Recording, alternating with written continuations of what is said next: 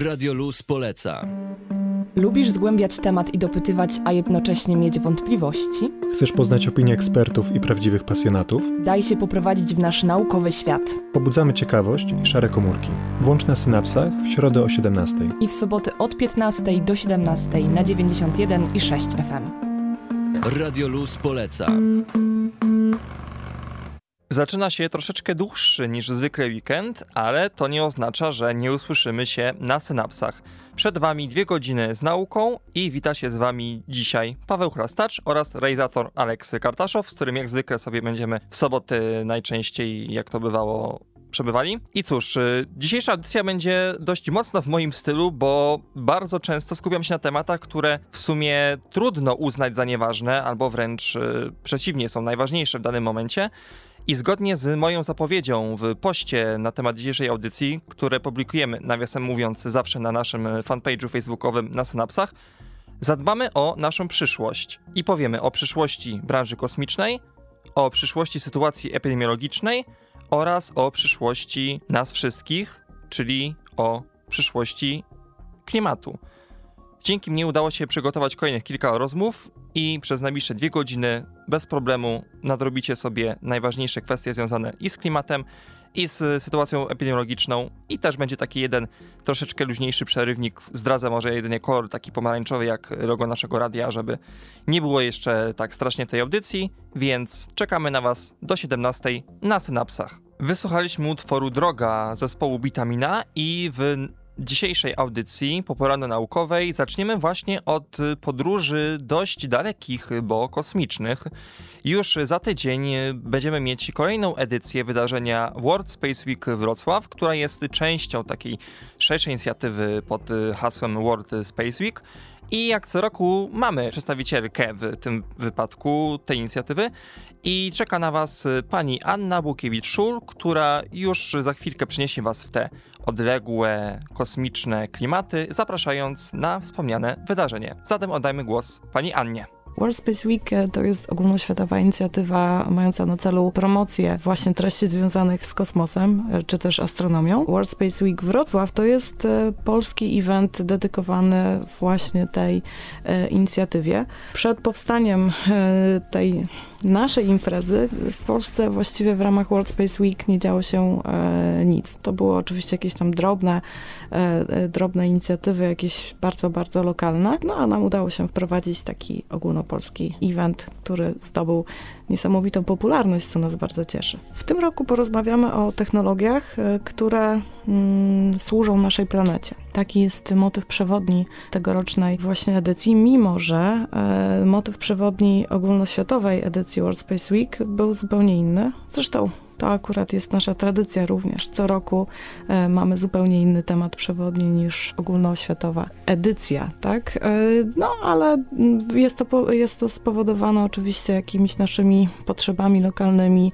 E, jest to spowodowane również e, tak naprawdę mm, zapotrzebowaniem naszych uczestników. Co roku przeprowadzamy różnego rodzaju ankiety, rozmowy z uczestnikami i na tej podstawie budujemy kolejne edycje.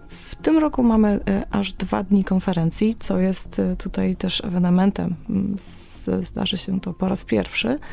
E, od pięciu lat. W pierwszym dniu rozpoczynamy od godziny 11, e, mm, oczywiście wystąpieniami gości reprezentujących instytucje zaangażowane w organizację, a później rozpoczynamy już cykle prelekcji. Będzie można posłuchać o technologiach kiedyś i dziś, będzie można po posłuchać w ogóle o ekologicznych technologiach, które są E, opracowywane w Polsce i we Wrocławiu jak najbardziej. Będzie można posłuchać o technologiach kosmicznych, jak najbardziej. Będzie można e, posłuchać troszkę o e, biotechnologiach. W sobotę również oddamy hołd Stanisławowi Lemowi, obchodząc właśnie rok Lema. Będzie można zobaczyć podczas World Space Week Wrocław premierę filmu dokumentalnego, który został nagrany przez pana mm, Adama Ustynowicza 30 lat temu i był e, on emitowany wyłącznie w telewizji BBC. A więc jest to premiera e, w ogóle w Polsce po 30 latach, ale też e, sam film został odświeżony.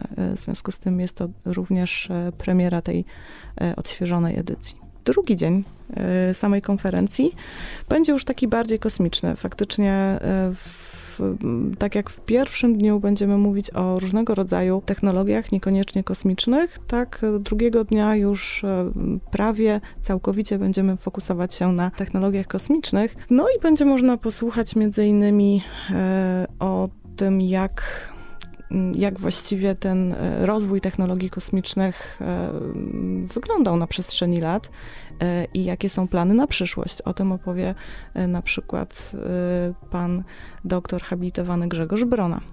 Mm, będzie też wystąpienie prezesa Polskiej Agencji Kosmicznej, profesora Grzegorza Wrochny, który opowie o tym, co Polska ma wspólnego z kosmosem właściwie. No i mnóstwo oczywiście innych fascynujących prelekcji, cudownych gości, także pozostaje mi tylko zaprosić jak można wziąć udział w tegorocznym World Space Week Wrocław? Sposobów jest wiele, mm, ale na pewno każdy, e, każdy zakończy się rejestracją, ponieważ nasze wydarzenie jest oczywiście e, darmowe, ale objęte e, ścisłą rejestracją. W związku z tym trzeba będzie wejść albo na stronę wydarzenia, czyli www.worldspaceweek.pl, albo znaleźć to wydarzenie na Facebooku no i tam już znaleźć e, link do rejestracji, dokonać tej rejestracji, po czym przed samym wydarzeniem dostaną Państwo link do e, konferencji. No i wtedy już będziemy razem. Tegoroczny World Space Week Wrocław, jak już wspomnieliśmy, dzieje się pod hasłem Technologie przyszłością naszej planety. Jak patrząc na rozwój branży kosmicznej w ostatnim roku, na przykład w lutym mieliśmy przecież bardzo głośne wydarzenia na Marsie, jak to wygląda z Pani perspektywy? Cieszy się Pani z takiego mocnego rozwoju? No, oczywiście. Tak naprawdę obserwowanie e, rozwoju tego, tego młodego sektora, zwłaszcza tutaj na polu naszym polskim, lokalnym, e, to jest emocjonujące, trzeba przyznać. Faktycznie e, widać widać e, bardzo wyraźnie, jak to wszystko rośnie, jak się rozwijamy e, jak młodzi ludzie fascynują się coraz bardziej e, tą tematyką, kształcą się i później dołączają do kadr młodych firm kosmicznych, które, które tworzą cudowne technologie. Oczywiście my tutaj w Polsce może nie tworzymy technologii takich ogromnych, całościowych, jak powiedzmy w Stanach Zjednoczonych, natomiast e, robimy bardzo poważne e, już jakby części tych dużych misji kosmicznych, więc e, no jest się czym pochwalić i z roku na rok jest coraz więcej sukcesów na tym polu.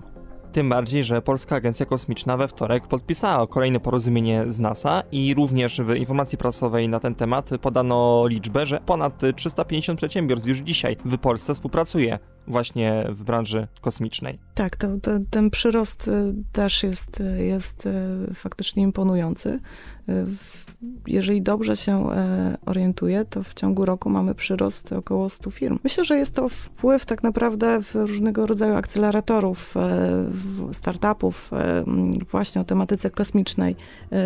Są tak naprawdę w Polsce przeznaczane ogromne środki na to, żeby, żeby ten przemysł rozwijać. W związku z tym faktycznie rzesze studentów, a nawet pracowników instytucji naukowych zakłada swoje firmy i no i w ten sposób mamy taki bardzo imponujący przyrost. Słuchacie na synapsach w akademickim Radiu Luz co sobotnie spotkanie z nauką. Wracamy do rozmowy z panią Anną Bukiewicz-Szul, która w kosmicznych klimatach zaprasza nas na piątą edycję wydarzenia World Space Week Wrocław.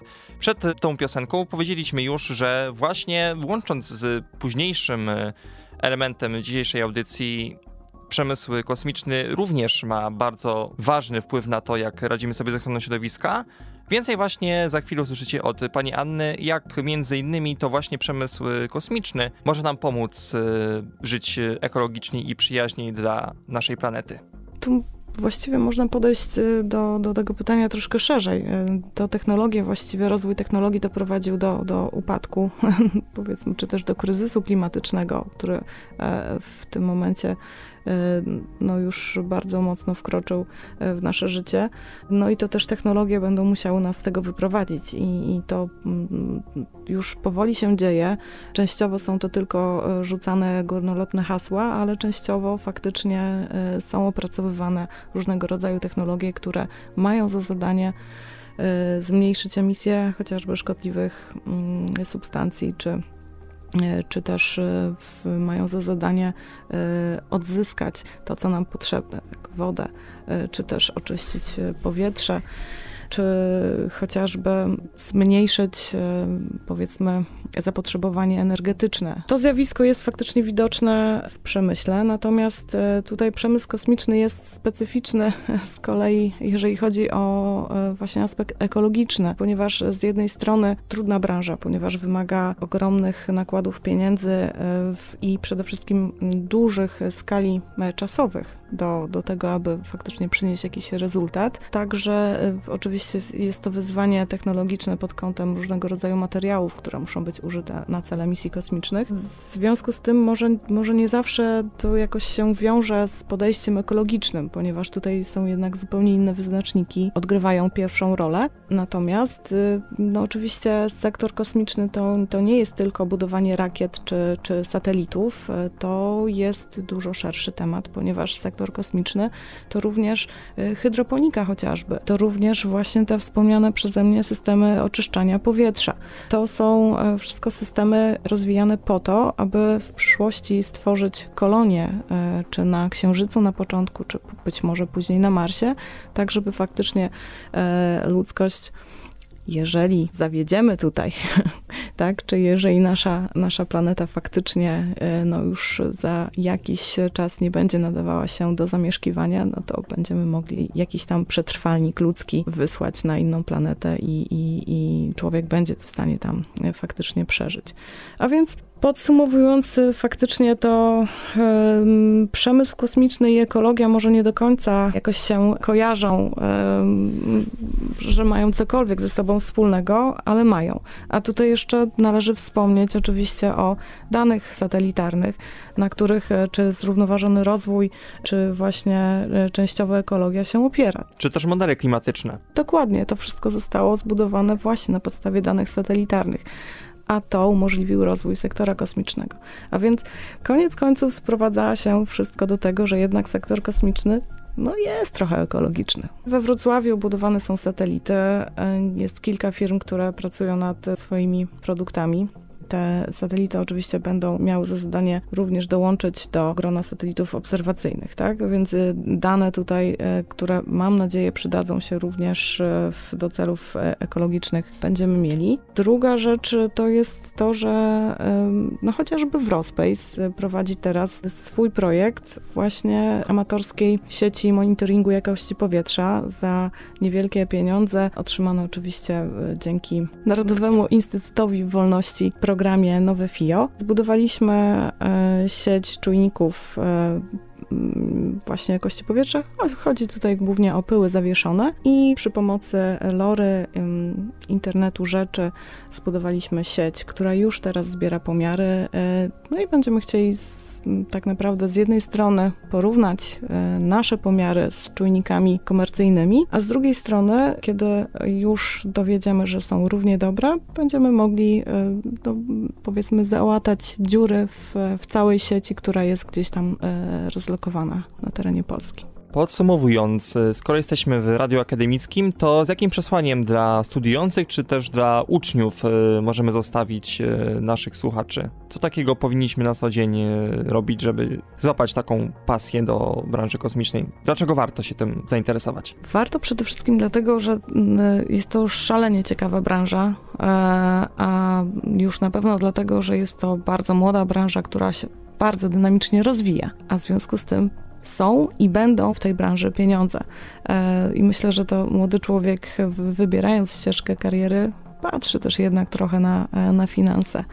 E, natomiast finanse to nie wszystko. Ważne jest to, żeby praca, którą się wykonuje, była ciekawa i tak naprawdę stała się naszą pasją. A myślę, że właśnie sektor kosmiczny ma te wszystkie atuty i dlatego też e, zachęcam do tego, żeby młodzi ludzie interesowali się tematyką kosmiczną, uczyli się, skupiali się na naukach ścisłych, e, wybierali kierunki, e, czy też na Politechnice, czy na innych uczelniach, które już teraz kierunki związane z kosmosem mają, ponieważ no, bardzo was potrzeba. Ten sektor kosmiczny, on rośnie nam naprawdę jak na drożdżach i bardzo potrzebujemy tam wszystkich e, rąk do pracy, a więc kształćcie się i dołączajcie do firm kosmicznych.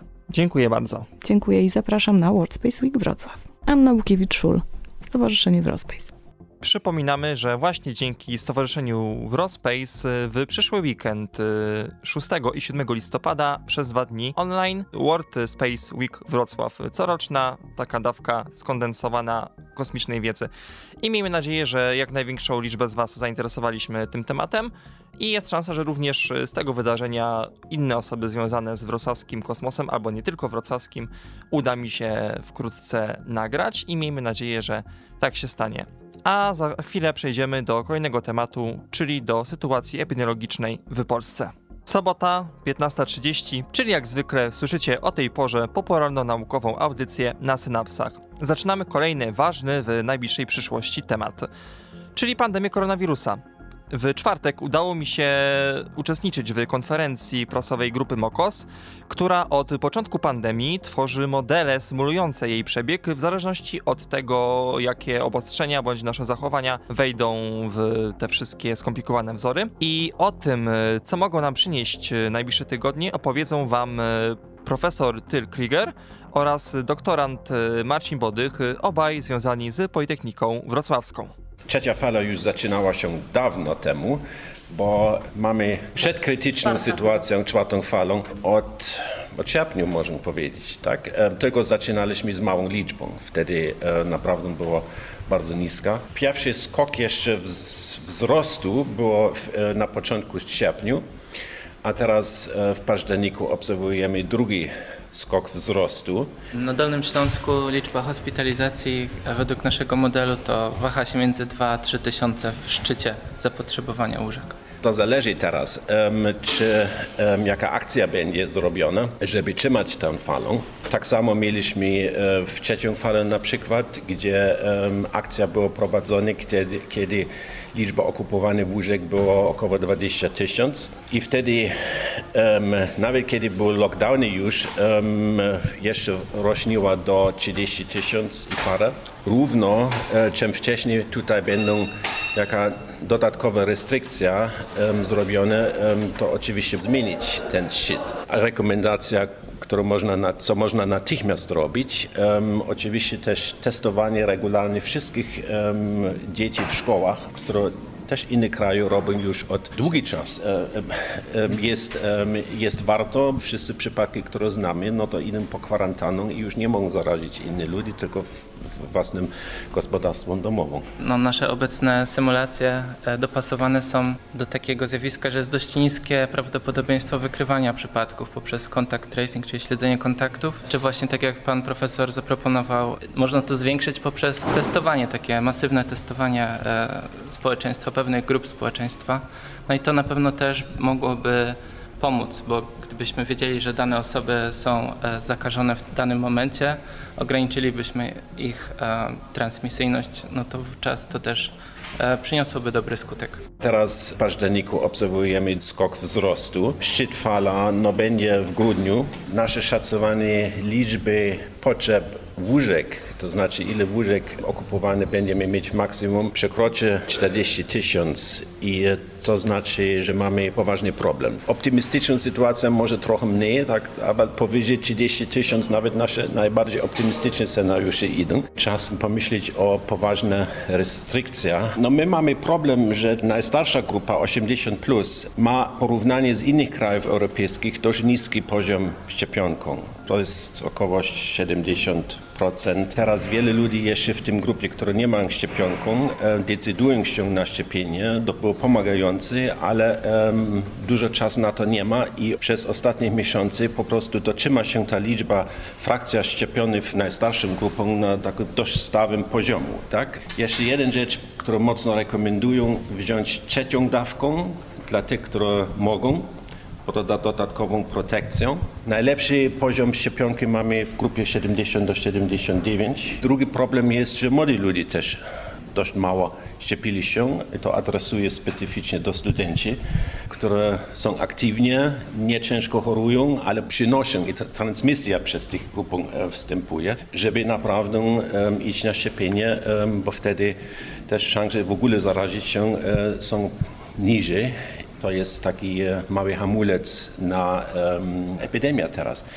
Ale ja jeszcze raz powtórzę, ja myślę, żeby przez szczepienie nie wytrzymamy tę czwartą falą, tak? Na to jest za późno. Dolny Śląsk, jeśli chodzi o współczynnik R, który gdzieś tam szacujemy co tydzień, no to dla województwa dolnośląskiego poszedł bardzo do góry, osiągnął poziom 2. Ten współczynnik mówi o tym, że średnio jedna osoba zakażona dwie kolejne może zakazić, tak? Więc tutaj widzimy, że jest to dość problematyczna sytuacja generalnie w całym województwie, nie tylko, że, że są jakieś pewne powiaty, które mają większy problem. Oczywiście tutaj mamy też korelację pomiędzy stopniem wyszczepienia w danym powiecie a, a tą dynamiką. Wrocław jest miastem, które jest dobrze wyszczepione. W tych mniejszych miejscowościach niektórych jest to wyszczepienie na niższym poziomie. Jeśli chodzi o liczbę zdiagnozowanych przypadków w skali Polski, w tym momencie szczyt pokazuje wartości przekraczające 40 tysięcy przypadków dziennie, zdiagnozowanych przypadków, przy czym tutaj jest dużo różnych czynników, które mogą spowodować, że predykcja nie będzie taka bardzo precyzyjna. Czynniki, o których mówię, to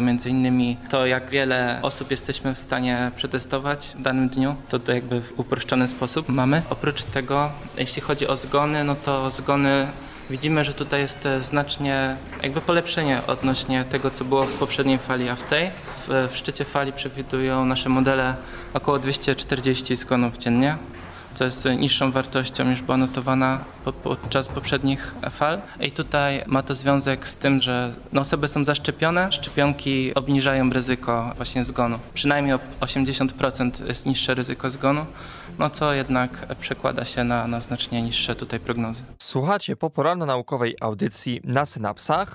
Dodam, że dzisiaj pojawiły się kolejne dane Ministerstwa Zdrowia, i bez zmian ciągle bijemy jesienne rekordy. Dzisiaj zanotowano oficjalnie 9798 nowych przypadków zakażenia, w tym z naszego dolnośląskiego województwa 512.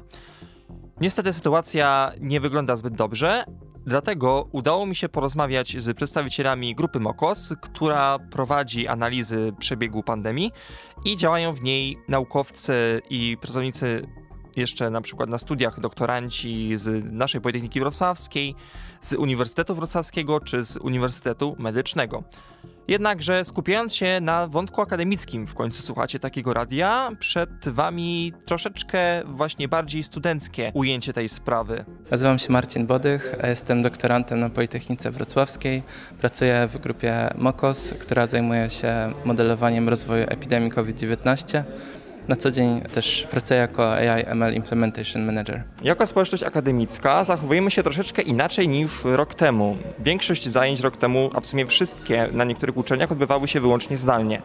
Natomiast w tym roku praktycznie wszędzie wróciliśmy do hybrydowego trybu nauki i rzeczywiście dziesiątki tysięcy nas, studentów, powróciło do miasta i tym samym nie tylko na uczelni, ale też poza nią mamy mnóstwo aktywności, które wykonujemy. Czy udało się Wam jakoś wykazać wpływ naszej aktywności w porównaniu z zeszłym rokiem na Wasze prognozy na najbliższą przyszłość? To bardzo trudne pytanie, jak e, wykazać taką e, zależność. Jest to o tyle problematyczne, że wymagałoby bardzo wielu danych, które dotyczą jakby obserwowanego przebiegu. My niestety mamy ograniczony dostęp do danych. Ograniczamy się do struktury gospodarstw domowych, mamy pewne wiadome dane dotyczące tego, jakie jest prawdopodobieństwo ciężkich objawów w zależności od wieku. No i te wszystkie dane, które z różnych paperów można zdobyć. Natomiast struktura tutaj właśnie tej aktywności studenckiej to jest coś, co wymagałoby znacznie większego zbioru danych, abym mógł wypowiedzieć się w taki sposób, tak w oparciu o dane, jaki to ma wpływ, jakie to ma przełożenie. Jedyne, co możemy widzieć, to łączny efekt tego i również innych rzeczy, czyli właśnie powrotu do miejsc pracy. W niektórych miejscach pracy już jest zupełnie praca no, na miejscu, jest e, jakby coraz większa liczba tych miejsc pracy, gdzie pracujemy w biurze. Oprócz tego oczywiście wrzesień i otwarcie szkół. Jest wiele różnych czynników, które nakładają się na to. Obserwujemy w październiku przyspieszenie epidemii. E, Właściwie teraz w drugiej połowie października, tak? Mamy na przykład doktora Franciszka Rakowskiego, który działa w Interdyscyplinarnym Centrum Modelowania Matematycznego na Uniwersytecie Warszawskim i on już y, według jego danych sugeruje, że jednak studenci mają wpływ niestety na zwiększenie fali zachorowań. Między innymi dlatego, że przede wszystkim we wschodniej Polsce często podróżują do większych miast tylko na zajęcia i powracają ponownie po nich y, do swoich domów. Czy tutaj na Dolnym Śląsku, czy we Wrocławiu według Pana również y, taki efekt, y, jest szansa, że niestety, ale wystąpił właśnie to, o czym mówiłem, że na przykład jesteśmy bardziej mobilni niż y, rok temu? Tak, no, na wstępie powiem, że współpracujemy też z panem Franciszkiem Rakowskim. E, Spotykamy się co tydzień i faktycznie jego model uwzględnia te czynniki jakby bardziej dokładnie niż nasz. Te interakcje właśnie w, w szkołach są przez niego tak dość dobrze zaimplementowane. Myślę, że ma on tutaj rację. Jeśli chodzi o Dolny Śląsk, no to nie wiem, z tego co, co pamiętam, no to większość studentów na Dolnym Śląsku jest, jest gdzieś tutaj z regionu, czy, czy gdzieś tam w niedużej odległości. Zdarzają się też studenci, którzy dojeżdżają e, oczywiście z daleka. Trudno, trudno mi wypowiedzieć się tak bardziej dokładnie. Czyli efekt y, zapewne występuje, ale może na mniejszą skalę niż y, w wschodniej Polsce. Tak, myślę, że tak. Czy w porównaniu z zeszłym rokiem, z poprzednimi falami zmieniliście jakoś metodologię badań? Czy udało Wam się udoskonalić y, Wasze działania? Tak, porównując z zeszłym rokiem, do modelu udało się wprowadzić też ten element zaszczepienia, no bo w zeszłym roku nie było szczepionek i nie trzeba było o tym myśleć. W tym roku sytuacja się trochę pokomplikowała, w takim dobrym sensie, no bo to daje dodatkową odporność. Oprócz tego mamy dość, dość duży odsetek osób, które już przechorowały COVID w poprzedniej fali. No i to jakby zwiększa komplikacje dynamiki i to też uwzględniamy w modelu, aby gdzieś tam no, bazować na tym, co wiemy dokładnie i, i, i widzimy tutaj też efekt, który z tego płynie. Nasz plan na rozwój naszego modelu przewiduje też w najbliższej przyszłości chcemy wejść też w geografię bardziej, tak? To, o co Pan zapytał, co jest e, w modelu Franciszka Rakowskiego, ta regionalizacja też, też będzie tutaj zaadresowana. Nasza grupa jest mniejsza liczebnie, więc w jed- w jednostce czasu mniej, mniej możemy zrobić, ale staramy się tutaj też e, zawrzeć ten, ten efekt. Pamiętam z naszej poprzedniej rozmowy, że uwzględnialiście m.in. rezultaty spisu powszechnego sprzed 10 lat. Mamy tegoroczny spis i czy poniekąd nie czekacie właśnie na to, aż powstaną już opracowania z tegorocznego, żeby po prostu działać sprawniej? Czekacie na to? Oczywiście. E, Też pytamy o to, e, kiedy dostan- moglibyśmy dostać wyniki tego spisu. Niestety na razie nie ma ich obecnych. Może się okazać, że będziemy na nie musieli jeszcze długo poczekać. Natomiast e, to nie jest też tak, że, że nasze są na Polsce sprzed 10 lat. Staramy się tutaj też jakoś e, tą, tą naszą populację odzwierciedlić e, w, zgodnie z tym, jak, jak, jak Główny Urząd Statystyczny podaje dane za, za ostatni rok. Więcej danych na temat modeli opracowywanych przez grupę Mokos właśnie na ich stronie internetowej mokos.pl, do której Was bardzo odsyłam. A jeśli chodzi o sytuację, która będzie panowała w listopadzie, to po prostu musimy czekać na najbliższe dni, na najbliższe dane i zobaczymy, czy, czy nasze Ministerstwo Zdrowia, czy jakiś inny organ po prostu będzie decydował o tym, co na przykład z, uczelniami. W każdym razie kolejny temat, i to w sumie ten najważniejszy na dzisiaj, czyli zmiany klimatyczne już za kilka minut w akademickim Radiu Luz. Kończymy pierwszą godzinę popularno-naukowej audycji na synapsach. Jutro mamy dwie ważne daty. Halloween, czyli święto dyni. Więc szybciutko przypomnę Wam, że jest to bogate źródło witamin A, B1, B2, PP, E i C oraz żelaza, fosforu, magnezu, selenu, cynku, miedzi, manganu oraz y, karotenu, czyli bardziej pomarańczowa dynia, tym lepiej. Oraz pestki dyni mają również mnóstwo ciekawych y, składników. Drugim i w sumie dla mnie ważniejszym wydarzeniem jest jutrzejsze rozpoczęcie 26. szczytu klimatycznego organizowanego przez ONZ w Glasgow i dzisiaj przygotowałem dla Was dwie działaczki, które bardzo mocno starają się dbać o klimat i zaczniemy od Małgorzaty Czachowskiej, z którą porozmawiali moi redakcyjni koledzy Jakub Jastrzębski i Michał Trojanowski, a działa ona w Młodzieżowym Strajku Klimatycznym Wrocław, który w tej chwili serdecznie pozdrawiam i też z nimi będę się widział właśnie dzisiaj wieczorem, bo zaczynam y, z nimi współpracować. Oddajmy głos Gosi. Jak to się stało w ogóle, że, że pojawiłaś się w tym filmie? Z tego, co mi właśnie reżyser opowiadał, to po zrobieniu tego filmu z perspektywy naukowca, stwierdził, że by było bardzo fajnie pokazać też perspektywę młodych osób, które walczą o klimat na co dzień. Młodzieżowy strajk klimatyczny powstał już prawie 3 lata temu i jest to oddolny ruch młodzieży związany z walką ze zmianami klimatu. I nasze główne wartości to jest po prostu, żeby młode osoby miały głos i żeby się liczyły na powiedzmy arenie politycznej i żebyśmy mieli faktycznie bezpieczną przyszłość, bo to jest to, co walczymy. Powiedz nam, bo zgadujemy, że aktywizm to jest trudny kawałek chleba. Tak, on wiąże się z wieloma nieprzyjemnościami i interakcjami z ludźmi, którzy wcale ani nie uważają cię za kogoś mądrego, czy dorosłego, czy, czy wartego w ogóle wysłuchania. I to takie reakcje są i ze strony normalnych ludzi, co po prostu są wkurzeni, że przeszkadzamy im drodze do pracy, ale też od strony polityków i rządzących, którzy używają mowy nienawiści, którzy są kompletnymi denialistami klimatycznymi i to jest bardzo często przerażające. A z drugiej strony też spotykam dużo miłych rzeczy, więc to jakoś tak się balansuje, powiedzmy. Ale w filmie widzimy, e, że to takie apogeum tego nierozumienia, tej, tej wrogości spotyka się w czasie kampanii e, wyborczej na prezydenta Rzeczypospolitej Polskiej, kiedy aktywiści mieli taki baner, na którym było napisane a co z klimatem. I, I to jest niesamowite, z jaką też to wrogością i niechęcią podczas tej kampanii się spotkało. Myślę, że z czego to wynika? Myślę, że to wynika z dezinformacji i z braku rzetelnej edukacji klimatycznej, czy w ogóle rzetelności mediów w informowaniu o tym, czym jest kryzys klimatyczny i co się z tym wiąże i czego potrzebujemy, bo rozwiązania mamy i tylko teraz potrzebujemy dużej e, zmiany i społecznej, i systemowej, ale to się wiąże, wydaje mi się, taka przemoc się wiąże też bardzo często z tym, że ludzie nie rozumieją tematu, ale też są podsycani przez na przykład lobbystów paliw kopalnianych, czy w ogóle węglowych, czy też no, takie, takich rządzących, dla których działanie dla klimatu jest niewygodne. Bo z jednej strony klimat to, ochrona klimatu to prosty temat, jakby nie patrzeć, ale kiedy spotyka się z polityką, pieniędzmi, biznesem, robi się tak jak to... Tematem politycznym. Tematem politycznym, tak, ale też tak. bardzo trudnym i krzywdzącym dla, jakby nie patrzeć, może jednej i drugiej strony. Gosiu, powiedz mi, jak staracie się, żeby to wyglądało z waszej strony, mm, przekonać y, ludzi, że zmiany klimatu są ważne? Z jednej strony mamy bardzo szeroko zakrojone działania w mediach społecznościowych i zachęcam do zaobserwowania nas na Instagramie, na Facebooku, na Twitterze, bo tam się pojawia dużo ciekawych informacji o samym klimacie, ale też o różnych wydarzeniach. A oprócz tego w zależności, gdzie jesteśmy w Polsce i w której grupie lokalnej czy roboczej się udzielamy, to można naprawdę pracować w wielu różnych miejscach, a dołączenie do MSK jest bardzo, bardzo proste, bo jesteśmy ruchem oddolnym i nie mamy żadnych kontraktów do podpisania, ani żadnych jakichś umów, tylko po prostu osoby, które są chętne, mogą z nami działać i to jest, wydaje mi się, że piękne. A jeżeli chodzi o sam Wrocław, to mamy spotkania co tydzień we wtorki, na które można przyjść. Oczywiście warto o tym nas powiadomić, żebyśmy mogli zrobić jakieś przygotowanie merytoryczne. Postawić jedno więcej krzeseł. E, jak działamy, kim jesteśmy. A jeżeli chodzi już o takie osoby bardziej z zewnątrz, to chodzić na nasze strajki, udostępniać nasze jakieś posty, artykuły, to jest naprawdę bardzo przydatne i, i, zawsze dla nas to coś znaczy. No bo chodzi o to, żeby było o was w końcu głośno. Powiedz mi, ja przyznaję, nigdy na strajku MSK nie byłem.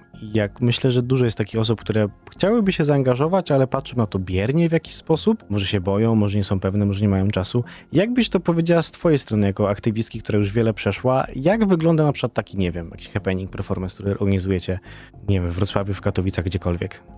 Zazwyczaj przed samym happeningiem jest bardzo dużo spotkań i koli organizacyjnych, dużo jakichś burz mózgów. Mam właśnie wiele różnych pomysłów i zawsze każda osoba się nam przydaje i każda osoba może coś fajnego włożyć do jakiejś inicjatywy. Potem to promujemy, potem robimy, mamy tą całą akcję, potem robimy ewaluację i też staramy się popracować nad tym, co możemy zrobić lepiej następnym razem. A twoje jakieś najciekawsze wspomnienie, jakaś przygoda, która się zdarzyła?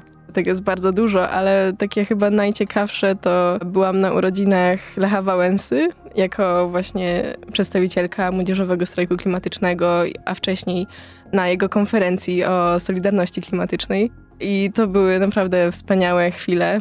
Byłam też razem z ministrem Kurtyką w Łazienkach Królewskich na kolacji i szampanie, także dużo niesamowitych rzeczy miałam okazję zrobić dzięki temu, że działam. a w najbliższym czasie e, konferencja ONZ w sprawie zmian klimatu, to już pod koniec października i na początku listopada, tym razem w Glasgow. I ty tam będziesz. Wybierasz Tak. się razem z ekipą wrocławską, ekipą E, e, ekipą polską. ogólnopolską i w ogóle światową. Zamierzamy właśnie w tym roku wysłać naszą prawdziwą delegację polską na szczyt. A, I jedziemy tam pociągami, więc zapowiadają się ciekawe następne dni. I będziemy dużo właśnie pracować i sieciować się z innymi ludźmi i mówić o tym, co się tam dzieje i w jaki sposób możemy dawać jeszcze więcej presji na naszych rządzących, żeby te ich decyzje były jeszcze bardziej ambitne i adekwatne do tego, co mówi nauka.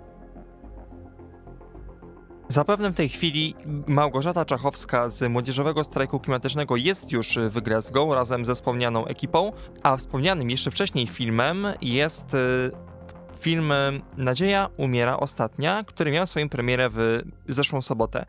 Jest on reżyserstwa Jonathana R. Ramsey, autora zeszłorocznego filmu Można Panikować, który zdobył do tej pory ponad 700 tysięcy wyświetleń.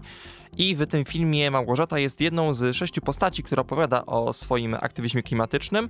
I oczywiście, tak jak mówiłem na początku, MSK Wrocław jak najbardziej zaprasza do współpracy, co ja już zresztą z nimi z- zrobiłem. A w drugiej godzinie na Synapsach troszeczkę szerzej rozwiniemy ten temat, ponieważ y, porozmawiamy z kolejną osobą, która właśnie również, y, co już mam pewność, jest w Glasgow i również będzie uczestniczyła w COP26. Do usłyszenia. Radio Luz. Nadajemy z Politechniki Wrocławskiej. Mamy równą 16.04, czas na drugą godzinę na synapsach. Bez zmian prowadzący Paweł Chrastacz i realizator Aleks Kartaszow. I czekamy na Was do 17.00 z potężną dawką wiedzy. W tym tygodniu druga godzina sobotnich synaps będzie monotematyczna i kontynuujemy wątek e, klimatu. Wysłuchaliśmy już Małgorzaty Czechowskiej z Młodzieżowego Strajku Klimatycznego. Czas na kolejną moją znajomą, czyli Weronikę Adamczak, która należy do Stowarzyszenia Narodów Zjednoczonych w Polsce. Tak, tu chodzi o te narody zjednoczone, o ten ONZ. Po prostu w 30 krajach e, świata mamy takie powiedzmy stowarzyszenia towarzyszące głównemu ONZ-owi i zarówno Weronika, jak i ja do niego należymy. Czeka na Was e, pięć wejść, w których wytłumaczymy Wam, czym są te szczyty klimatyczne, jak właśnie taki, który rozpoczyna się jutro w Glasgow, jak wyglądają kulisy takich wydarzeń, co po tegorocznym kopie powinniśmy osiągnąć i jak działać na rzecz klimatu. To wszystko w tej godzinie, więc zaczynamy już od e, wprowadzenia Weroniki na naszą antenę. Więc my się znamy z Elkoja, czyli pierwszej młodzieżowej konferencji klimatycznej, która odbyła się w Polsce. To była taka lokalna konferencja. I to jest coś, co w sumie jest związane z dzisiejszym tematem, bo to jest e, taka wersja lokalna koja, który zawsze odbywa się przed kopem. I to jest wydarzenie dla młodzieży. No a ja gdzieś e, zaczęłam właśnie działać po pierwszym kopie, na którym byłam, czyli e, COP24 w Katowicach, bo też jestem z Katowic, też dlatego miałam tą szansę tam uczestniczyć, bo gdzieś jakoś się tak napotoczyło, że e, mój dyrektor ze szkoły zapytał mnie, czy chciałabym pomóc delegacji Indii, którzy poszukiwali wolontariuszy. E, ja z moimi znajomymi gdzieś tam dołączyliśmy i zaczęliśmy im pomagać. A na samym kopie później poznałam mnóstwo inspirujących i ciekawych ludzi i, i też jak gdyby otworzył się mój świat, pogląd też na to, czym jest klimat, że zmiany klimatyczne e, nie opierają się tylko na tym, że posadzimy więcej drzew i, i problem zniknie. Jest wiele problemów, które trzeba cały czas rozwiązywać. E, Gdzieś teraz może e, sama najbardziej się przejmuje e, sprawiedliwością społeczną i sprawiedliwością klimatyczną, wynikającą z tego, że nie, na- nie na każdego wpłyną zmiany klimatyczne tak samo. I tutaj przede wszystkim trzeba zaznaczyć, że na globalne południe to będzie całkowicie inny wpływ ni, niż to, jak my odbierzemy to na przykład w Polsce czy w Europie. I gdzieś tym się zajmuję może teraz, ale taką ścieżką właśnie od tego pierwszego kopu to był COP24. Później zaczęłam działać w Młodzieżowym Strajku Klimatycznym w Katowicach, gdzieś w Śląskim Ruchu Klimatycznym. Działałam przez pół roku i, i też przez to zaczęłam później organizować, zaczęłam później działać w organizacjach typu V4SDG. To jest organizacja, która zrzesza ludzi z Grupy Wyszehradzkiej i my razem y, organizujemy różne wydarzenia związane z zrównoważonym rozwojem. Teraz działam już mniej w V4SDG, ale cały czas prężnie działam w UNAP-ie, czyli e, United Nations Association Poland. No i tam przez dwa lata byłam koordynatorką do spraw programu Agenda 2030 Polska dla zrównoważonego rozwoju.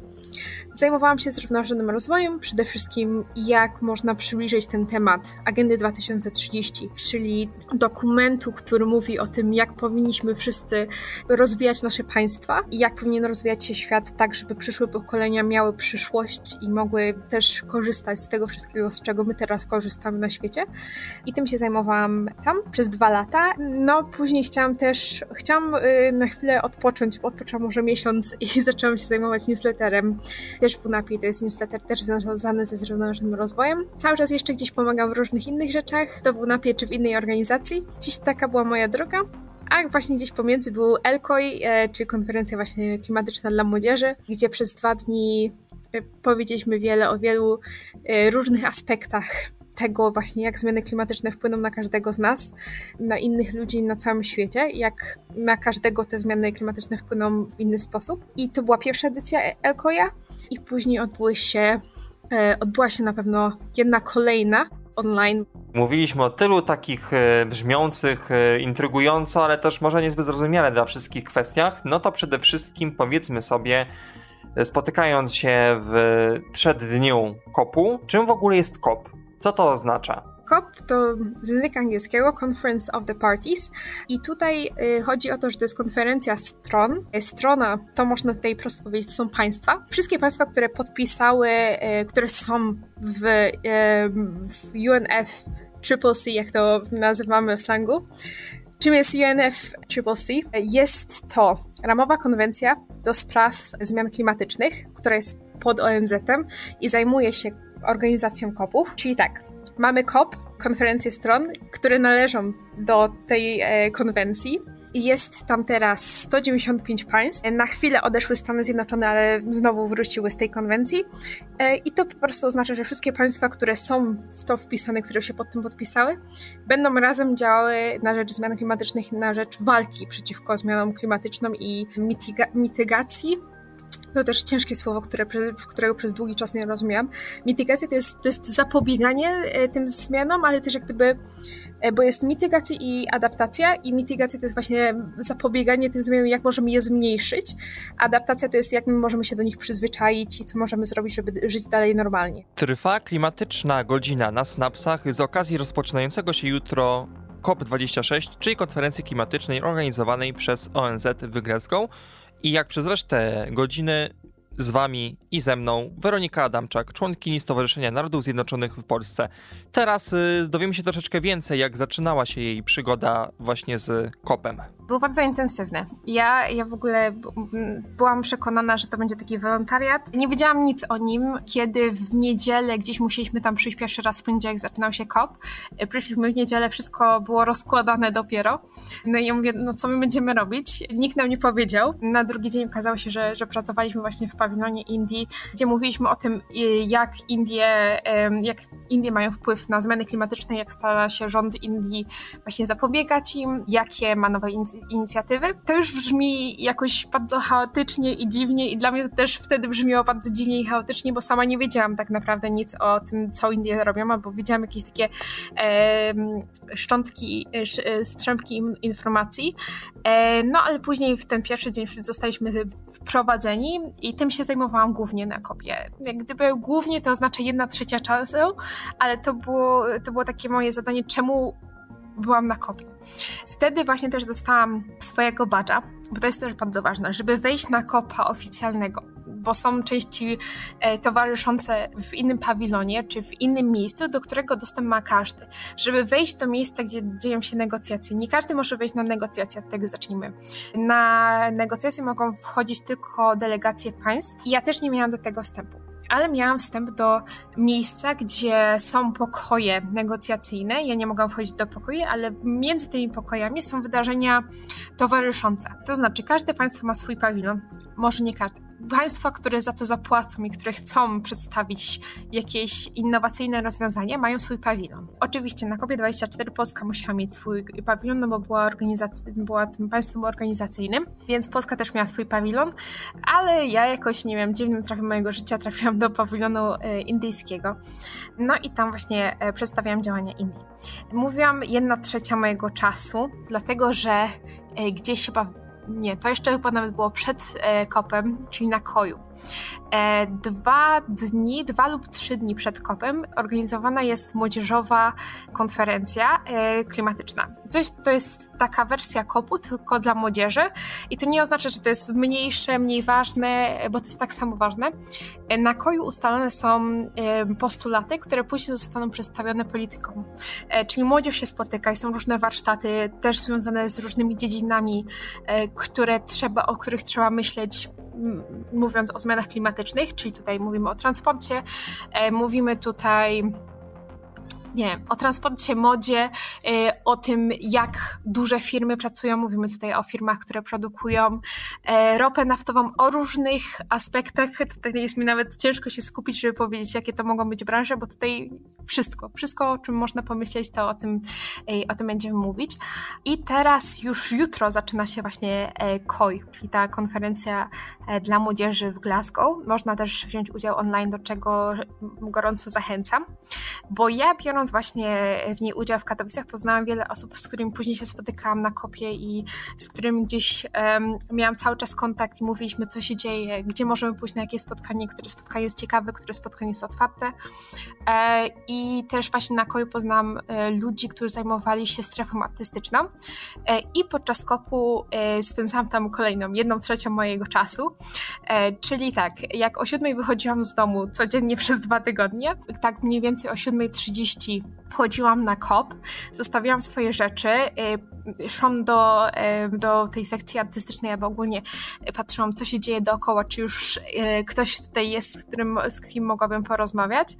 A później tak gdzieś około dziewiątej zaczynałam pracę w pawilonie indyjskim. Tam też były takie luźne godziny, więc tam, nie wiem, byłam 3-4 godziny.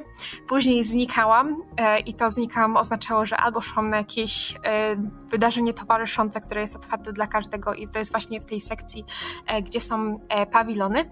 E, I albo to są wydarzenia towarzyszące organizowane przez jakieś konkretne państwo, które przedstawia właśnie, co my robimy, by walczyć ze zmianami klimatycznymi, albo to może być też jakaś organizacja pozarządowa, taka jak WWF czy Greenpeace, też wiele innych, albo może być to też organizacja młodzieżowa, która przed takim wydarzeniem też pyta się, jest taki open call dla całej młodzieży, czy ktoś chce wziąć w tym udział, albo poszukujemy kogoś, kto e, zaprezentuje opinię e, Europy Wschodniej, Europy Środkowej, e, czy właśnie Afryki Południowej. Są różne tam też podawane konkretne, konkretne regiony, które powinny być reprezentowane po to, żeby też to nie były tylko osoby właśnie z Global North, czyli e, Europa, Ameryka, tylko żeby to też były osoby, które mogą, tak żeby te, te panele czy te wydarzenia były y, różnokulturowe, tak żeby każdy miał tam też swój głos. I później jeszcze jak właśnie, później jeszcze na chwilę szłam po takim wydarzeniu e, do pawilonu chińskiego, do pawilonu indyjskiego, przepraszam,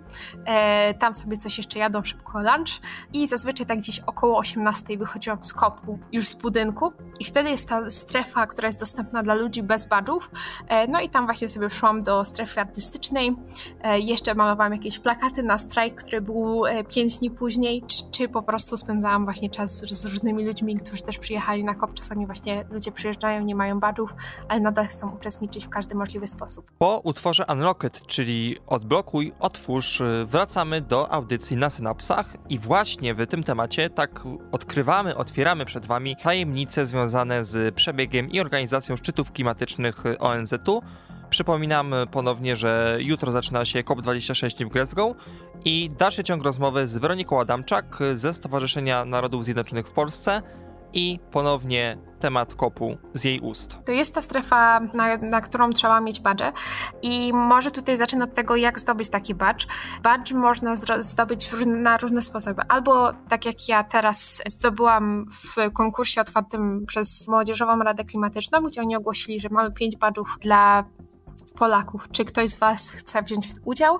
Trzeba było przedstawić, jak działaliście w przeszłości, co chcecie zrobić po kopie, jak chcecie też przekazać tą wiedzę, którą można tam zdobyć, a naprawdę można nauczyć się bardzo wiele. I też z jakimi postulatami sami tam jedziecie. I tak można zdobyć badge i wtedy to jest Party Overflow, czyli to jest badge oficjalny, jedziecie z polską delegacją, nie wypowiadacie się w jej imieniu, ale jak gdyby jesteście z nią. Można też zdobyć badge obserwatora i to można zdobyć przez różne organizacje pozarządowe, które są oficjalnie zarejestrowane w ONZ lub w UNFCCC. Taka organizacja to jest na przykład, ten, na przykład WWF na pewno ma e, takie badge, ale też jest wiele organizacji, bo tutaj trzeba być organizacją chyba przez 3 lata, żeby móc się ubiegać o coś takiego. Nie jestem pewna, czy to są 3 lata, ale trzeba być oficjalnie zarejestrowaną organizacją przez dłuższy okres czasu, żeby dopiero się ubiegać o coś takiego. I można mieć jeszcze badża mediów. No i tutaj no to oczywiście trzeba być reporterem dla jakiejś gazety i wtedy się też ubiegać przez te media. Jak już ma się takiego badża, to wtedy wchodzi się do tej takiej strefy powiedzmy zamkniętej, chociaż tak naprawdę tam nie są tylko politycy, tylko tam są właśnie ludzie, którzy są z różnych organizacji, jest dużo młodzieży, która też ma takie badże. I można uczestniczyć w tych wszystkich wydarzeniach w pawilonach, czy też jakichś wydarzeniach towarzyszących przy bardzo ważnym e, wydarzeniu, takim zgromadzeniu ogólnym, które jest na samym początku i później na końcu podsumowaniu całego kopu. I są też jeszcze pomiędzy gdzieś takie wydarzenia, na, których, na które są zapraszane ważniejsze osoby i wtedy to są też wydarzenia otwarte, na które można przyjść. Na kopie w Katowicach to na przykład była przemowa Grety Thunberg, która jest często gdzieś tam dalej przesyłana, bo to, to była taka jedna z jej pierwszych przemów właśnie, w których mówiła o tym, że trzeba zacząć działać. I jeszcze dodatkowo jak gdyby taki kolejny poziom wtajemniczenia wtajemniczenia, to jest, kiedy jest się delegacją, reprezentuje się delegację, ale jako jeden z negocjatorów. I wtedy ma się już dostęp do tych spotkań, które są zamknięte, czyli high level meetings. To oznacza, że to są po prostu spotkania albo polityków, albo właśnie negocjatorów. No i wtedy czasami jest wpuszczana młodzież, ale to są naprawdę wyjątki. To wtedy też e, jest na przykład jedna osoba i wtedy organizacja Yango, czyli to jest organizacja, organ doradczy przy UNFCCC, czyli przy tej organizacji, która organizuje cały COP. I to jest młodzieżowy organ doradczy i nazywa się Yango i każdy może do niego dołączyć i brać udział w różnych wydarzeniach, reprezentować młodzież, też właśnie brać udział w tym sensie aktywnym, że mówić, przedstawiać opinie, które wcześniej są ustalane ze wszystkimi członkami Yango, którzy reprezentują, powiedziałabym, cały świat. I, i właśnie też w takich spotkaniach zamkniętych czasami jest zaproszona młodzież, żeby wziąć udział. Przy czym no to jest raczej rzadkością. I myślę, że to jest z tych takich zamkniętych spotkań i z tego, jak można zdobyć badża i, i, i właśnie tutaj jest na tym wiem, poziomie wyższym powiedzmy. Ja też chciałam tutaj gdzieś na początku powiedzieć, e, że ja nie jestem też naukowcem ani ekspertem. Ja tutaj wypowiadam się na podstawie tego, co, co gdzieś sama przeczytałam, e, usłyszałam na kopii albo usłyszałam na jakimś innym webinarze i też tutaj mogę, będę, będę na pewno odsyłać. O czym obradują ci najwyżsi w randze? O wszystkim, bo to są e, spotkania, które też są ogłaszane, w jakim pokoju będzie jakie spotkanie i tutaj są od elektrycznych aut, gdzieś tutaj wcześniej o tym rozmawialiśmy, po właśnie sprawiedliwość klimatyczną i to, e, jak ją zapewnić. I tutaj każdy musi się wypowiadać, bo każde państwo gdzieś uczestniczy w tych negocjacjach, po to, żeby końcowo wyjść z tym głównym dokumentem, czyli na tym jednym z ważniejszych kopów w 2015 roku, kopie 21 w Paryżu, e, mamy Paris Agreement, e, czyli porozumienie paryskie, które jest e, często podkreślane jako ten taki kamień milowy, bo wtedy zostały podane już konkretne kroki. No i żeby takie porozumienie powstało, no to właśnie muszą być te negocjacje i to są negocjacje od tematów wylesiania, mobilność, po to, kiedy, kiedy zamkną się kopalnie w końcu, czy właśnie teraz na tym obecnym kopie bardzo ważnym tematem będzie, który to jest jak gdyby główny temat, dlatego on nie będzie w jednym pokoju, tylko to będzie, e, to będzie coś, co będzie ciągłą dyskusją, ciągłym tematem. To będzie temat, który będzie dotyczył tego, jakie zobowiązania odnośnie ograniczenia emisji dane państwo będzie przedstawiać, czyli będzie planować, do czego się będzie zobowiązywać. Takie zobowiązania są nazywane NDC. Mówię to dlatego, bo często ja sama na pierwszym kopie chyba przez tydzień słyszałam tylko cały czas NDC, NDC, i tak w się zapytam kogoś, co to oznacza NDC i to, to oznacza właśnie Nationally Determined Contributions, czyli po prostu to, jakie zobowiązanie do ograniczenia, jakie zobowiązanie ograniczenia emisji e, gazów cieplarnianych podaje dane państwo. I w Paryżu w 2015 powstały takie pierwsze zobowiązania i wtedy też ustalono, że co 5 lat e, te zobowiązania będą rewidowane. Przede wszystkim tutaj chodzi o to, że te zobowiązania były chyba wtedy ustalone do 2030 roku, tutaj też tego nie jestem pewna, ale były ustalone, e, jakie, jakie właśnie są te takie podstawowe zobowiązania. Po 5 latach miała być weryfikacja, po pierwsze tego, czy to jest nadal możliwe, właśnie jakie, jakie kroki zostały poczynione, żeby to osiągnąć, może to bardziej. I po drugie, czy da się mieć jeszcze większe zobowiązanie, czy po tych pięciu latach państwo, na przykład dane państwo X zauważa, że jednak jest w stanie osiągnąć więcej i może zobowiązać się osiągnąć więcej. Więc e, z tych takich ważnych tematów, no to to będzie ten najważniejszy temat w Glasgow. Teraz ogólnie są cztery cele. Właśnie tutaj to, jakie będą te zobowiązania nowe, jakie tutaj już są podjęte i na jakim one są stopniu realizacji. Drugim tematem będzie adaptacja, czyli jak kraje rozwinięte mogą pomagać innym i mogą same adaptować swoje gospodarki, swoją ekonomię na zmiany klimatyczne, ale przede wszystkim tutaj jest nacisk na to, jak kraje rozwinięte mogą pomagać krajom rozwijającym się. Tego nie robiliśmy bardzo długo, albo też gdzieś w tych um, rozmowach klimatycznych kiedyś no całkowicie to inaczej wyglądało i mówiliśmy sobie, że takie państwa sobie poradzą, te kraje rozwijające się. I jeszcze takim kolejnym, trzecim punktem są finanse. W 2009 roku e, państwa zobowiązały się, że przeznaczą 100 miliardów e, dolarów na, y, na właśnie pomoc krajom rozwijającym się. I cały czas to nie zostało osiągnięte, to znaczy te pieniądze nie zostały przeznaczone, i tutaj ma znowu być dyskusja na, na ten temat, i skąd te pieniądze pozyskać, tak żeby te pieniądze zostały w końcu przekazane krajom rozwijającym się. Y, na mitygację i na adaptację do zmian klimatycznych. E, I ostatnim punktem będzie coś, co gdzieś e, cały czas jest tutaj chyba cały czas w tych pierwszych trzech punktach ujęłam.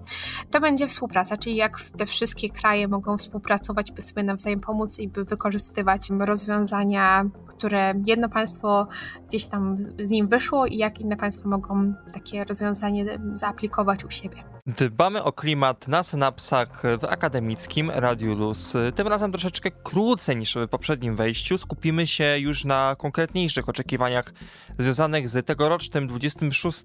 szczytem klimatycznym organizowanym przez ONZ.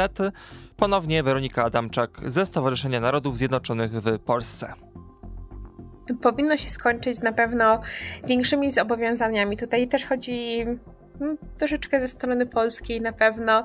E, my musimy e, myśleć na pewno o ludziach. Ja też gdzieś jestem ze Śląska i e, trzeba myśleć o górnikach. Ja wiem, że jak gdyby mamy całą kulturę zbudowaną wokół węgla i żeby zamknąć kopalnię, trzeba zapewnić ludzi, że zamknięcie kopalni nie wiąże się z odebraniem im kultury. To znaczy kultury, historii, jakichś tradycji, które mamy, ale te kopalnie trzeba zamknąć, bo gdzieś kiedyś jechałam autem i kiedy usłyszałam, jak pierwszy raz ogłoszono e, polskie plany odnośnie węgla, że w 2049 zamkniemy ostatnią kopalnię, a w 2050 roku cała Europa ma być e, neutralna węglowo, czyli nie ma już e, w ogóle e, zanieczyszczać atmosfery, no to, to gdzieś to nie, nie grało, bo jak w 2049 zamkniemy ostatnią kopalnię, no to po co ta kopalnia ma pracować, skoro nie będziemy mogli zużywać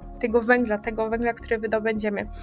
Tutaj trzeba um, mówić o sprawiedliwej transformacji, czyli o tym, żeby nie odbierać ludziom kultury, tradycji, historii, ale także o tym, e, by e, pracownicy kopalni mogli znaleźć inne zatrudnienie. Teraz e, dużo się słyszy o tym, że często tacy pracownicy e, mogą znaleźć e, pracę w firmach, które budują, montują solary na dachach, więc to jest jedna z opcji, a według mnie jesteśmy w stanie wymyślić o wiele więcej. Tutaj też chodzi o to, żeby znaleźć alternatywną opcję dla energetyki. Więc to jest coś, co możemy zrobić w Polsce, ale na kopie będziemy mówić o tym, o takich dużych liczbach i o tym, co my możemy zrobić, do czego my się możemy zobowiązać, czyli jakie możemy mieć ograniczenia w jakich latach. Możemy też mówić o tym, ile jesteśmy w stanie przeznaczyć dla krajów rozwijających się. E, więc żeby ten COP dobrze się skończył, to miejmy nadzieję, że większość państw zwiększy swoje zobowiązania, to znaczy zobowiąże się ograniczyć szybciej to, te swoje emisje i już teraz gdzieś przez nacisk powiedzmy społeczny właśnie przez młodzieżowe strajki klimatyczne przeciągu ostatnich dwóch lat y, coraz więcej państw y, zobowiązuje się wcześniej osiągnąć neutralność klimatyczną. No i miejmy nadzieję, że ten, ten trend, jeśli to tak można nazwać, się utrzyma, ale także utrzymał się właśnie ciągle w, w tym kontekście sprawiedliwości klimatycznej, czyli to nie będzie tak, że państwo po prostu dla swojego wizerunku zamkną um, zamkną kopalnie, czy zamkną e, miejsca, które zanieczyszczają atmosferę najbardziej, a nagle, czyli tutaj kopalnie, czy, czy, czy też właśnie elektrownie węglowe, nagle ludzie stracą pracę i pozostawieni bez niczego. Czyli tutaj chodzi o to, żeby te dwa, te dwa czynniki zostały spełnione. Więc żeby te zobowiązania były wyższe, jeszcze raz, i e, żeby też zrewidować, co udało się zrobić, bo też pandemia, e, nie można się tłumaczyć pandemią, to też jest ważne, e, ważne i, a pandemia wiele procesów zatrzymała kiedy jako, jak można tak spojrzeć um, i zastanowić, to drogi były dalej budowane w Polsce, ale, gdzieś ludzie się tłumaczą pandemią, że pandemia zablokowała pewne procesy i, i dlatego było opóźnienie w, osiągnięciu pewnych celów. I tutaj to mówię też w kontekście właśnie 17 celów zrównoważonego rozwoju, które też są związane z, z klimatem. Cel 13 to jest działania na rzecz klimatu i to jest też ważne, żeby mając na uwadze te zmiany klimatyczne, też mieć na uwadze te 17 celów i, i to, jak e, można je realizować wspólnie, to znaczy, żeby żaden z nich nie pozostał nierealizowany. Podsumowując klimatyczną godzinę na synapsach z Weroniką Adamczak, członkinią Stowarzyszenia Narodów Zjednoczonych w Polsce, przedstawimy zarówno troszeczkę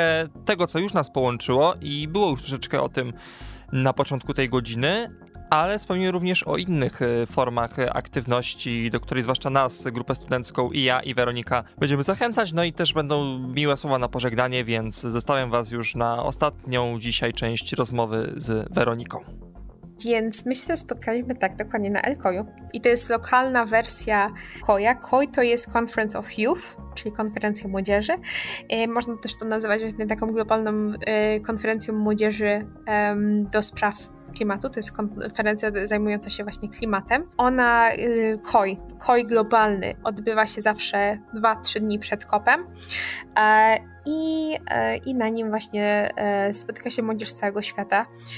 Też są delegaci z danych państw, tak żeby to spotkanie e, też było na równi, czyli żeby nie faworyzować ani e, globalnej północy, ani globalnego południa, e, bo te spotkania często są albo właśnie na, są przed kopem, czyli kop też może być na całym świecie, tak żeby, żeby każdy mógł uczestniczyć, czyli kiedy odbył się w Madrycie, tak naprawdę miał się odbyć w Chile, ale przez konflikty wewnętrzne został przeniesiony do Madrytu. I, i właśnie właśnie też wtedy y, KOI wyjątkowo odbył się w Chile, a nie w Madrycie. I teraz tak, Obecny KOI, bardzo ciekawe wydarzenie też yy, gorąco zachęcam, odbywa się w czwartek 28 października i jako, że ta audycja jest już później, można nadal gdzieś znaleźć nagrania z KOJA albo przede wszystkim to, co będzie efektem końcowym, czyli zobowiązanie młodzieży, czy, czy, czy właśnie to, co młodzież e, chce przedstawić politykom, swoje żądania,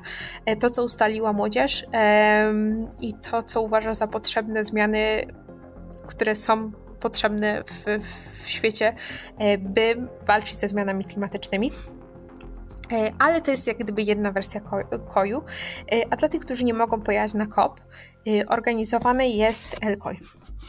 I Elkoj to jest taka lokal, lokalna wersja, i tutaj już wcześniej powiedzieliśmy um, o tym, że Elkoj jest, y, już była druga edycja w Polsce, druga edycja ze względu na pandemię była, odbyła się online, ale Elkoj jest na całym świecie, czyli jeśli ktoś, kto słucha tą audycję, mieszka w innym państwie, czy to w Niemczech, e, czy to w Holandii, e, to e, w obu tych państwach znajdzie swoją wersję Elkoja, a jeśli ktoś słucha nas z jakiegoś państwa, to też może sprawdzić, czy tam już jest Elko, jeśli nie, to też zawsze zachęcam do tego, żeby coś takiego zorganizować, bo tutaj ta lokalna wersja jest dla młodzieży z danego kraju i my na naszym polskim Elkoju, tym pierwszym stacjonarnym, który jeszcze wtedy mógł się odbyć w stacjonarny sposób, też zebraliśmy pewne postulaty, które później e, delegacja Elkoja zaniosła ze sobą na tego koja globalnego, który odbywał się przed kopem. Mamy Centrum Zrównoważonego Rozwoju Ochrony Klimatu. Przypomnę o tym e, wszystkim nas słuchających, że mamy już na Politechnice takie ciało, które na pewno będzie się rozwijało.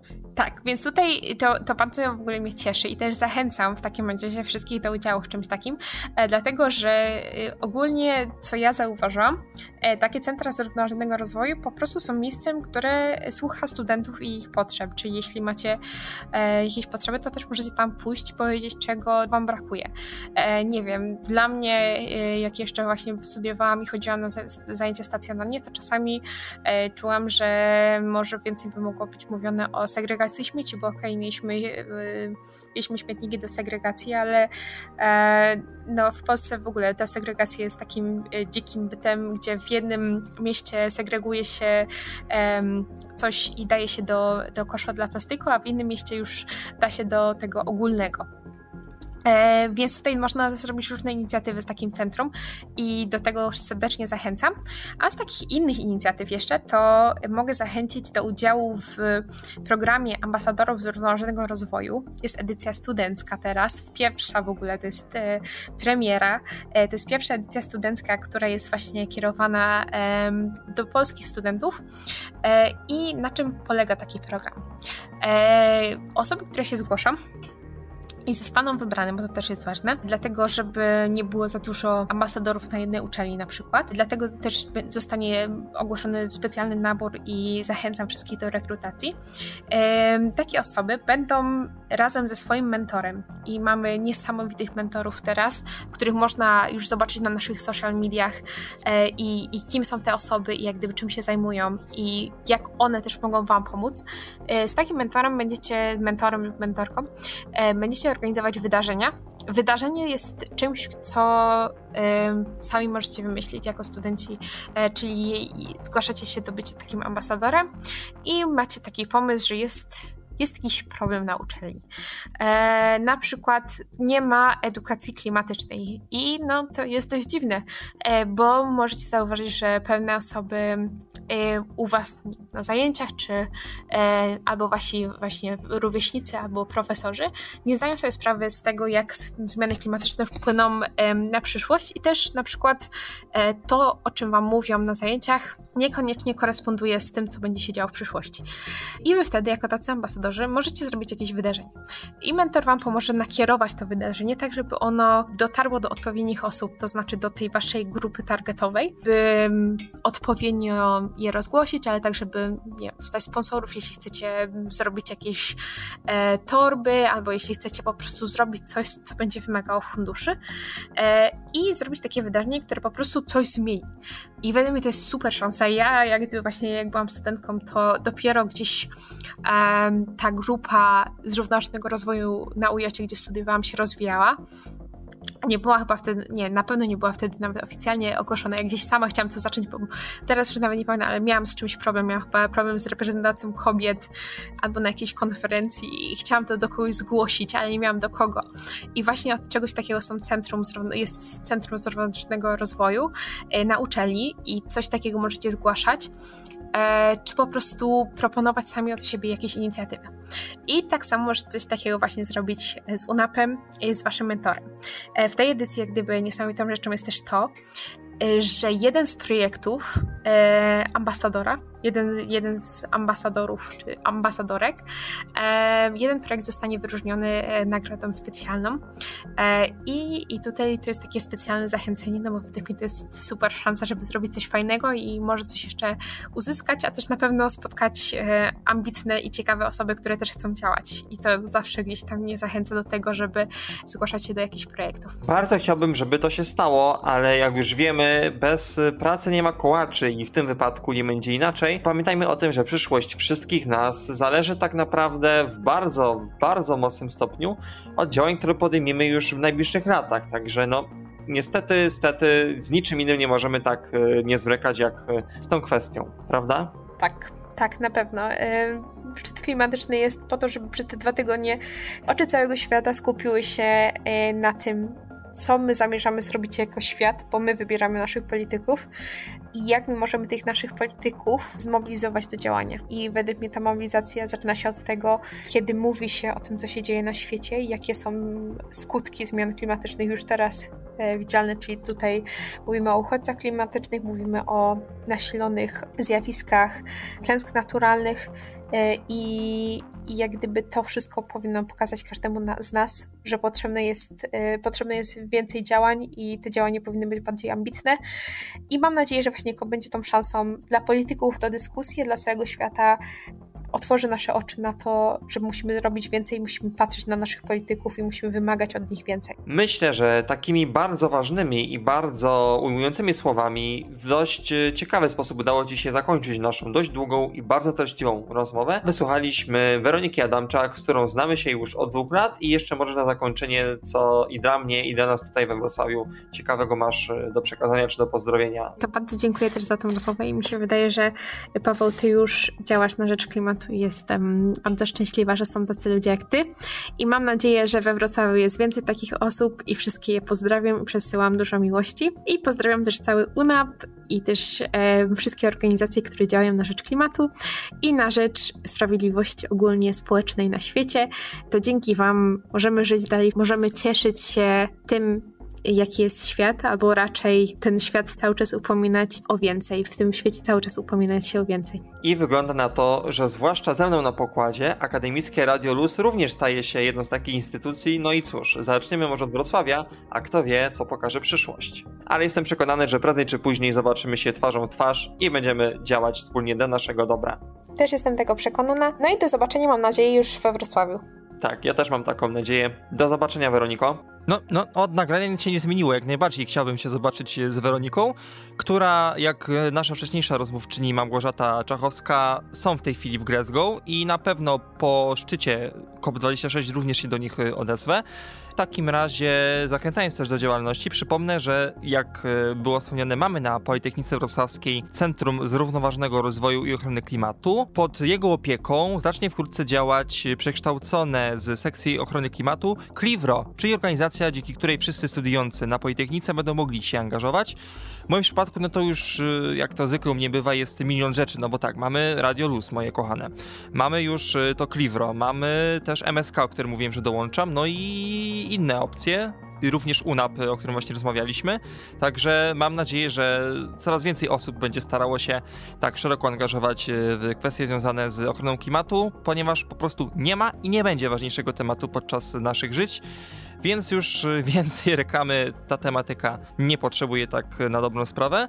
I też pogratuluję moim znajomym właśnie z Clivro, którzy na Klimatonie, który odbywał się zdalnie, stacjonarna edycja była dla młodzieży szkolnej w Katowicach, a dla dorosłych zdalna. Mamy sukces, trzecie miejsce w tym wydarzeniu i to nawet przyjemne, bo właśnie w poniedziałek zachęcałem jeszcze Was na antenie do tego, żeby się zapisać w ostatniej chwili i jak widzicie, warto może w przyszłym roku, jeśli nie wzięliście udział, wziąć w takim klimatonie, bo można coś fajnego zdobyć.